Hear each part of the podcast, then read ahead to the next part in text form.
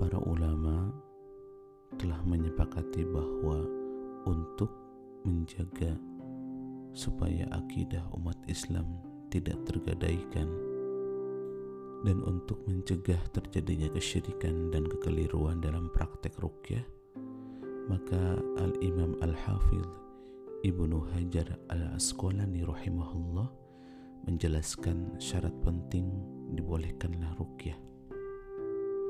Beliau berkata, para ulama telah berijma' bahwa rukyah dibolehkan ketika di dalamnya terkumpul tiga syarat.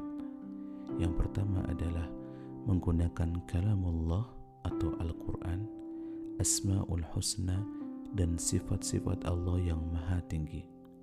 Yang kedua adalah menggunakan bahasa Arab atau bahasa yang dipahami maknanya oleh orang-orang selainnya. Yang ketiga adalah tidak diyakini bahwa rukyah berefek dengan sendirinya tetapi melainkan atas izin Allah subhanahu wa ta'ala